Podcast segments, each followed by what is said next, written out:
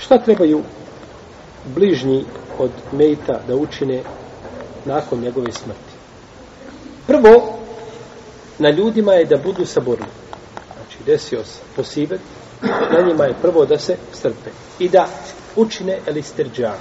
A to je da kažu šta? Inna lillahi wa inna ilaihi rađiun. Mi smo Allahovi i Allahu se vraćamo. Kako kaže uzvišenje Allah te baraka wa ta'ala, الذين إذا أصابتهم مصيبة قالوا إنا لله وإنا إليه راجعون Mi smo Allahu i Allahu se vraćamo. Sve što je bilo, sve što se desilo, opet je na kraju povratak Allahu te barake od I zato čovjek treba strpiti, ali je najžešći sabor i najteži za čovjeka u prvom onome malu. Znači, kada se desi nešto, tad u tom momentu U protivnom, nakon dan, dva, tri, sve je to normalno i sve to čovjek prihvata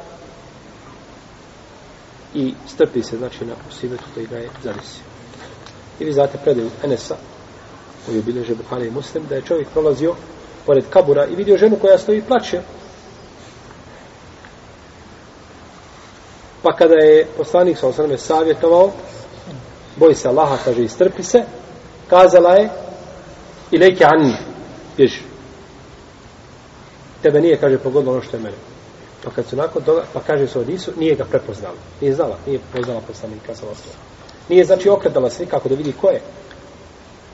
Pa kada su joj kazali, otišla je, otišla je kući.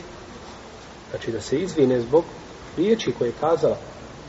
Pa kada mu je rekla Allaho poslaniče, ja tebe nisam poznala, kaže, kaže, inna me sabru, inde sabrutim uda. Sabur je strpljenje kod prvog udarca da se čovjek tada strpi. To je najbitnije. U protivnom, nakon dva, dan, dva, tri, čovjek, kakva god vijezda došla, prihvati je, jeli, na jednostavan način, odnosno, ima dovoljno sabura da ne upadne u ono u šta je mogao ili lahko upadne, znači pri prvom udarcu, ili dok čuje, dok čuje vijest ili.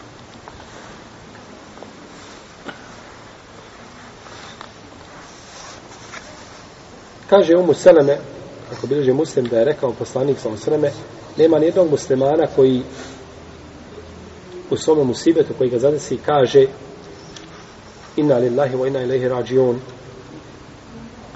Allahume džirni fi musibeti wa hajden minha.